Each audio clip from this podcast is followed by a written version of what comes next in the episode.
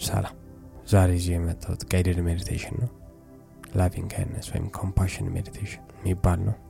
አይምሯችንንም ልባችንን የሚያጠራ ነው። ሰላማችንን የሚጨምር ነው። contemplation meditation ስለሆነ ሰውነታችንን በማያስቸግረው ሁኔታ ተመቻችተን ቁጭ እንላለን። አይናችንን እንጨፍናለን። ትኩረታችንን ትንፋሻችን ላይ እናደርጋለን።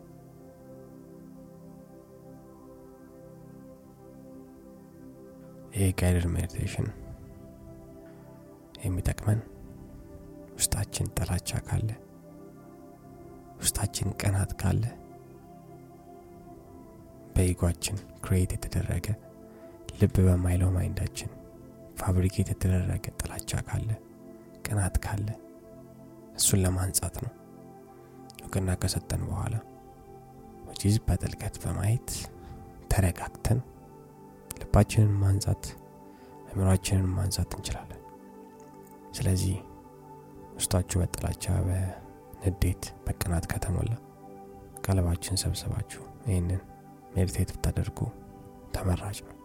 ለምን ችላ ባልነው ቁጥር እየዋለ እያደረ እየተከመረ ጥላቻችን ወደ ጭፍን ጥላቻነት ይቀየራል። ንዴታችን ወደ ጭፍን ንዴትነት ይቀየራል። ቀንና ማታችንን ይቆጣጠረዋል። ሰላማችንን ይነፍገናል። ስለዚህ ሳይውል ሳያድር ልባችንን ማጥራት አለብን። ጥበብ፣ ማስተዋል፣ በጥልቀት ማየት ልባችንን አይምሯችንን ለማጽዳት ይጠቅመናል። ያን ደግሞ ለማድረግ ተረጋግተን ቁጭ ብለን አይምሯችንን ልባችንን የበከለውን ነገር በጥልቀት አይተን ማስወገድ አለብን። ጊዜ ሰጥተን ራሳችን ካላየ ነው በምንም በሌላ መንገድ አይሄድም። ክኒን ውጠን ጥላቻችን አናቆሙ፣ በውጭ ነገር አናቆሙ፣ በጥልቀት በማየት ስለዚህ አይናችንን እንጨፍናለን።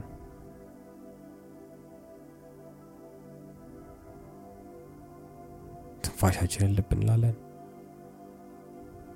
ወደ ውስጥ አንድ፣ ወደ ውጭ አንድ፣ ወደ ውስጥ ሁለት፣ ወደ ውጭ ሁለት።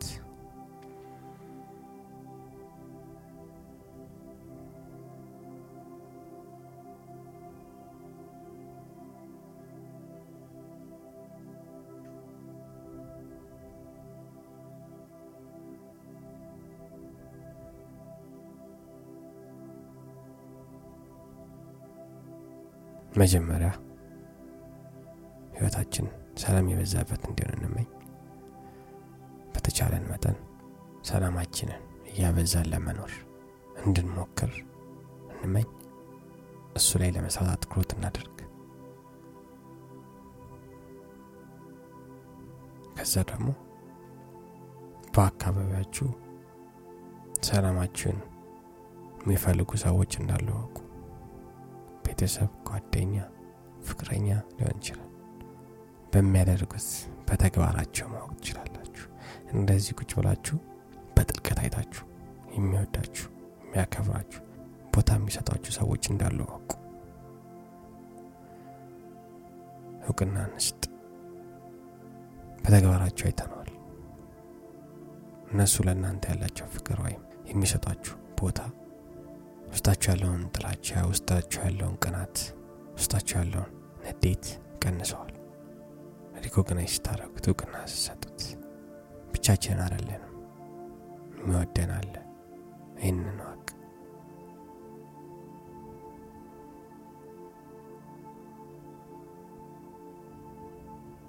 ከዛ ቀጥሎ ደግሞ እኛም የምንወዳቸውን የምናከብራቸውን እነሱን እናስታውስ እና ለእነሱ ሰላም እንመኝላቸው፣ ውስጣዊ ሰላም እንመኝላቸው።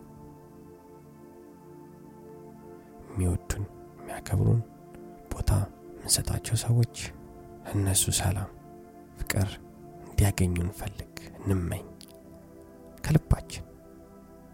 ከላይ ከላይ አይደለም፣ በ meditation ከልባችን ሰላም የሆኑ ይመቻቸው፣ ይቅናቸው፣ ይሳካላቸው እንበል። የእነሱ ደስታ የኛም ደስታ ነው። የእነሱ ስኬት የኛም ስኬት ነው። እንደዚህ እንደዚህ ቁጭ ብለን ቦታ ሰጥተን አስታውሰናቸው ጥሩ ነገር እንመኝላቸው ይሆናል ላይሆንም አያገባንም። እኛ ከልባችን እንፈልግ። ምንም አይነት መጥፎ ነገር አይኑረን ለሚወዱን የሚያከብሩን ለምን አይምሯችንን ከታዘብ ነው አይመርጥም። ቤተሰብ አይመርጥም። ጓደኛ አይመርጥም። ለሁሉም ሰበብ እየፈለገ ጥላቻ ቅናት ንዴት አለው። ስለዚህ ቢያንስ አሁን ቁጭ ብለን ለምንወዳቸው ለምናከብራቸው ከልባችን እውነተኛ love send እናድርግላቸው። unconditional የሆነ የማይተጣጠፍ ሁኔታዎችን እየመረጠ የማያዳላ ፍቅር send እናድርግላቸው። ይገባቸዋል። እሱን እንወቅ። ego እያዋሸን ነበር እስከ ልብ ማይለው mind ኣችን እያዋሸን ነበር። ስለዚህ ከልባችን ስታይ ሰላም እንዲያገኙ እንመኝ ስኬት እንዲያገኙ እንመኝ። ይህን ስናደርግ እኛ ጋር ያለው ጥላቻ ቅናት ዴት ወሬቨር መጥፋት ይችላል። እሳትን እሳት አያጠፋው ጥላቻን ጥላቻ ያጠፋው ጥላቻን ፍቅር ነው ያጠፋው መንቀልቀልን መረጋጋት ነው ያጠፋው እስቲ ቁጭ ብለን የሚጠቅመውን ብቻ እናስብ ከዛ ቀጥሎ ደግሞ ከልባችን ጥሩ ነገር መመኘት ምንም ጉዳት እንደሌለው ስናቅ አሁን ደግሞ ለሁሉም ሰው ለሚያልፈው ለሚያከድመው ሁሉም ሁሉም እንደኛ ይመረዋለሁ ሁሉም እንደኛ ይጓለሁ ሁሉም እየተሰቃየ ነው ሁሉም እየተረበሸ ነው ስለዚህ ለሁሉም ሰላም እንዲያገኝ የውስጥ ሰላም እንዲያገኝ እንመኝ ፍቅር እንዲያገኝ ስኬት እንዲያገኝ እንመኝ አንጎዳም energy ነው send እናርግላቸው ፍቅር send እናርግላቸው ego ን እንዲያውቁት አይምሯቸው እንዳይሸውዳቸው እንመኝላቸው የውስጥ ሰላም እንዲያገኙ እንመኝላቸው እንዲነቁ እንመኝላቸው እንፈልግ በተቻለን መጠን ለምን ሁሉንም ሰው ማዋራት ሁሉንም ሰው ማግኘት ስለማንችል በ energy መልክ እንላክላቸው ከልባችን የተቸገረ ሁሉ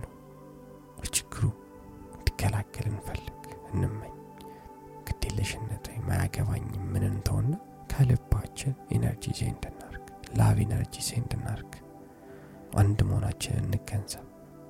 ሁላችንም የተለያየ ልጅ አንድ አይነት መንገድ ነው እየተራመደ ያለው። ሁላችንም የምንፈልገው the same thing ነው አንድ አይነት ነገር ነው። ሁሉም የሚጥረው ለአንድ አይነት ነገር ነው። የምንፋከተው የምንጣለው ምንቀ ነው። አንድ አይነት ነገር ለማግኘት ነው። እሱን እንዋቅ። ጥሩ ኤነርጂ ላክላችሁ ይቅናችሁ ይሳካላችሁ እንበላችሁ። ማንኛውንም ሰው ማንኛውንም አወቅ ነው አላወቅ ነው ይቅ ነው የፈለገው ይሳካለት ያለመው ይሆንለት ከእንደገና ደግሞ የሚያሾረውን የሚያስቸግረውን ማይንዱን ያውቅ ዘንድ እንመኝለት። ኬኩ ይገላገል ዘንድ ውስጣዊ ሰላም ያገኝ ዘንድ እንመኝለት። ለምናውቀው ለምንወደው ለቤተሰቦቻችን ለጓደኞቻችን ተመኝተን አሁን ደግሞ ለሁሉም ሰው ለምናቆም ለማናቆም አንድ ላይ ሴንድ እናድርግ። ልባችን እያጠራ ነው የቆሸሸ ልብ የሚመርጥ ልብ ነው። የቆሸሸ ልብ የቆሸሸ አይምሮ የሚያዳላ አይምሮ ነው። እያዳላን ሰላም አናገኝም። የቆሸሸ ልብ ይዘን የቆሸሸ አይምሮ ይዘን ሰላም አናገኝም። ስለዚህ አይምሯችንንም ልባችንን የምናጸደው ሁሉንም በአንድ አይነት ስናይ ነው። በጥልቀት አይተን ሁላችንም አንድ እንደሆንን ስናውቅ ነው። አንድ እንደሆንን ስናውቅ ደግሞ ለሁሉም ውስጣዊ ሰላም እንመኛለን። ሁሉም በጥልቀት አይቶ እውነተኛ ህይወት ኖሮ እንዲሞት እንመኛለን እንፈልጋለን እንጥራለን። ይህ ልባችን ያጸደዋል ሰላማችን ይጨምርልናል። የእውነትም ይደርሰዋል ያሰው እኔ የሆነ ሰው ፈክክ ብዬ ሲቀበለው ሰዋራው ምን የሚናደድ ይመስላችኋል? ደስ ነው የሚለው። የኤነርጂ ነው። የእኔ ፈገግታ ኤነርጂ ነው። ይደርሰዋል ያሰውዬ አሁንም ይሄ ከልቤ ከሆነ ሰላም እንዲያገኝ የምመኘው ይደርሰዋል አውቃለሁ ይደርሰዋል ስለዚህ እንመኝ። ከዛ በመጨረሻ ከበድ የሚለው ግን ወሳኝ የሆነው እስካሁን እንዳየነው ከሆነ ምን ያህል compassion loving kindness powerful እንደሆነ ካወቅን አሁን ደግሞ ለምንጠላው ላስቸገረን stand ማድረግ ያቃተን ሰው አካባቢያችን ያለው ጥላቻ create የሚያደርግ ልባችንን ላቆሸሸው ሰው ለሱም ሰላም እንመኝ። አሁን እንወቅ እሱም ወዶ አይደለም contemplation meditation ላይ በማስተዋል ወዶ አይደለም። የእሱም ልብ ቆሽሾ ነው። ስለዚህ የእሱ ልብ ቆሽሾ የእኛንም ልብ ከሚያቆሽሽ የእሱ አይምሮ ቆሽሾ የእኛን አይምሮ እያቆሽሽ እንደሆነ እንወቅ። ከእንደገና ወዶ እንዳልሆነ እንወቅ። ኢጎ እንደሆነ እንወቅ። ልብ ማይሎ ማይንዳችን እንደሆነ እንወቅ። እኛም እንደዛ እንደነበረን እንወቅ። እሱም ቁጭ ብሎ ካየ እሱም ቁጭ ብሎ በጥልቀት ካየ መላቀቅ እንደሚችል እንወቅ። ስለዚህ ውስጣዊ ሰላም እንዲያገኝ እንመኝ።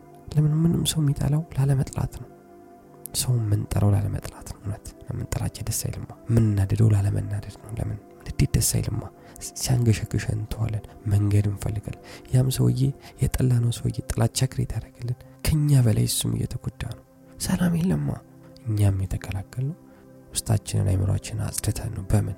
በ love በ compassion ከልባችን በመረዳት ተረድተን ነው። ዝም ብሎ አይደለም። ከላይ ከላይ መለፍለፍ ይቻላል ብቻ ከልባችን ከሆነ forgive አርገ ነው ምንችል ከሆነ እሱም ሰላም እንዲያገኝ ውስጡ ሰላም እንዲሆን እንመኝለት። እንደዚህ ስናደረግ ያ የቆሸሸው አይምሯችን ይጸዳል። ለምን? አሁን ጠላታችን አይደለም። አሁን የስቃያችን ምንጭ አይደለም ያሰውዬ አሁን ተረድተነዋል። ስለዚህ አሁን በንጹህ ልብ ነው የምንቀርበው ማለት ነው። ጥላቻው ይሄዳል ንዴቱ ይሄዳል። ወዶ እንዳልሆነ ስላወቅን። ይህ ሲባል ያቆማል አላልኩም ግን አሁን ተረድተነዋል የሆነ friction ለመፍጠር ሁልጊዜ ሁለት ነገር ያስፈልጋል አሁን አንዱ መሆናችን እናቆማለን። አሁን የሆነ ሰው ቢጠላኝ እንኳን እኔ ካልጠላሁት ጥላቻ የሚባለው ነገር create መሆን ያቅተዋል። just እኔ ከተረዳሁት ማለት ጥላቻ የለም ማለት ነው። እንዴት ሊኖር ይችላል? እኔም እኮ receive ማድረግ መቀበል አለብኝ ጥላቻው ጥላቻ የሚባለው ነገር create መሆን ያቅታል። ያን ሰውዬ ሁልጊዜ በ positive ማየት ከቻልኩ እርግጠኛ ነኝ አከሽፈዋለሁ የስን ጥላቻ ከሆነ ጊዜ በኋላ friend እንሆናለን። የእኔ dedication እስካላቆመ ድረስ ማለት ነው። ሌላ ሰው ቀይሮ አላልኩም። ሁሌ ከራሳችን ነው የሚጀምረው። ስለዚህ የራሳችንን ጥረት ከራሳችን እንጀምር ነው። compassion meditation ከራሳችን እንጀምር። አለም ሰላም እንድትሆን ትፈልጋላችሁ? ወይም አካባቢያችሁ ወይም ሰፈራችሁ? ሰላም የበዛበት እንዲሆን ትፈልጋላችሁ? ከራሳችሁ ጀምሩ። ምንም አይነት ጥላቻ አትላኩ ወደ ውጭ። ከዛ ነው የሚጀመረው እኛ ጥላቻ ወደ ውጭ ካላክን እንደገና ጥላቻ ሲመጣ ካልተቀበልን አሁን ሰፈራችንን ቤታችንን ሰላም ማድረግ እንችላለን። ለምን? ማንም መጥላት አይፈልግም። ማንም አማራጭ አጥቶ ነው እሱን እንረዳለን በ contemplation በ meditation። ስለዚህ ይህም በማወቅ ልባችንና አይምሯችንን ንጹህ ማድረግ እንችላለን። ይህንን every time ልባችን የቆሸሸ ጊዜ አይምሯችን የቆሸሸ ጊዜ በጥላቻ የተሞላን ጊዜን meditate ብናደርግ ተመራጭ ነው። Thank for listening thank for watching Love and respect. Peace.